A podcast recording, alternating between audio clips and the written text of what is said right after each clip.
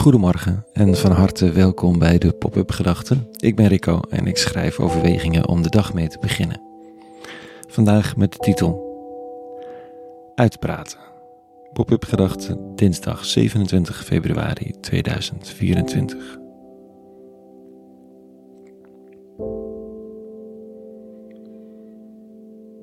Waar zit de ruimte? Er zijn mensen voor, er zijn mensen tegen. Ze laten van zich horen en je bent het eens met de manier waarop ze dat doen of niet. En even is dat het gesprek van de dag.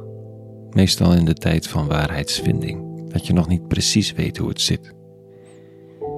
Maar als je dan weet hoe het zit, dan bevestig je dat nog eens een poosje met social media posts en plaatjes en het delen van linkjes die de eigen overtuiging ondersteunen. Ja, en daarna wordt het een beetje stil.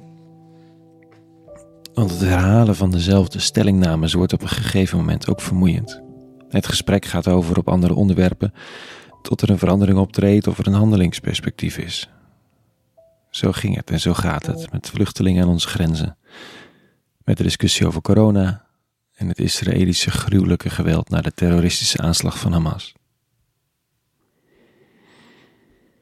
En dan, wat moet je dan? Het doet pijn als het stil wordt. Of het nou in je vriendenkring is, als iets, als iets niet meer wordt besproken of als het over wereldproblematiek gaat.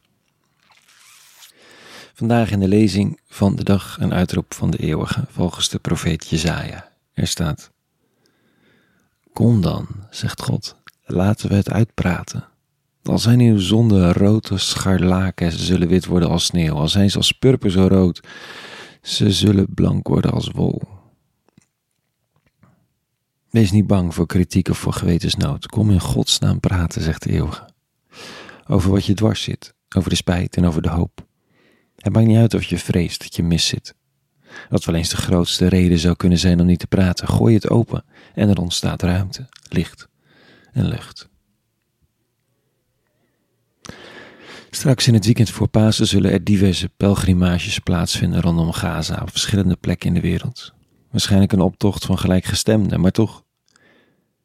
De gesprekken die ik heb met groepen van zogenaamde gelijkgestemden, of dat nu gaat over we gaan ze halen of de walk of shame of wat dan ook, ze zijn altijd verdiepend, verrijkend en nooit simpelweg bevestigend. Het is een plek om je vragen te stellen, juist. Om je eigen standpunt te herzien, om je eigen handelen onder ogen te komen. Kom, laten we het uitpraten is ook een uitnodiging om deel te nemen deel te nemen aan wakens, aan protestmarsen, aan bijeenkomsten en optochten, aan festivals misschien. Niet omdat je het allemaal zo goed weet, maar omdat je ergens wel voelt dat je hiermee iets te maken hebt. Dat er ergens iets mis is en dat het tijd is om te praten. En lijken de optochten van een afstandje eensgezinde parades waar alleen maar unisono wordt geroepen, niets is minder waar. Het is een plek van verbinding, verdieping en van vragen. Tenminste, zo heb ik het altijd ervaren. En als je het goed kijkt, zie je het wel. Demonstraties lijken voor overtuigde mensen die weten hoe het zit. In de praktijk is het een plek voor mensen die het gevoel hebben dat er iets niet in de haak is en zich druk maken hierover. Dat het hun hart en ziel en geweten bezighoudt, of zelfs maar zo dat ze vinden dat het hun hart, ziel en geweten bezig zou moeten houden. Dus haken ze aan.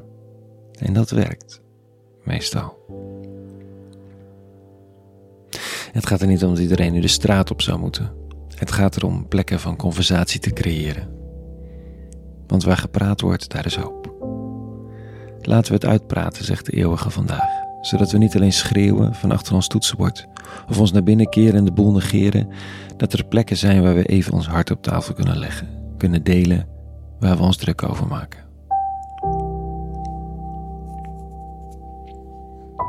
Tot zover even de pop-up gedachten van vandaag. Een hele goede dinsdag gewenst. Meer pop-up gedachten te vinden op www.popupgedachten.nl.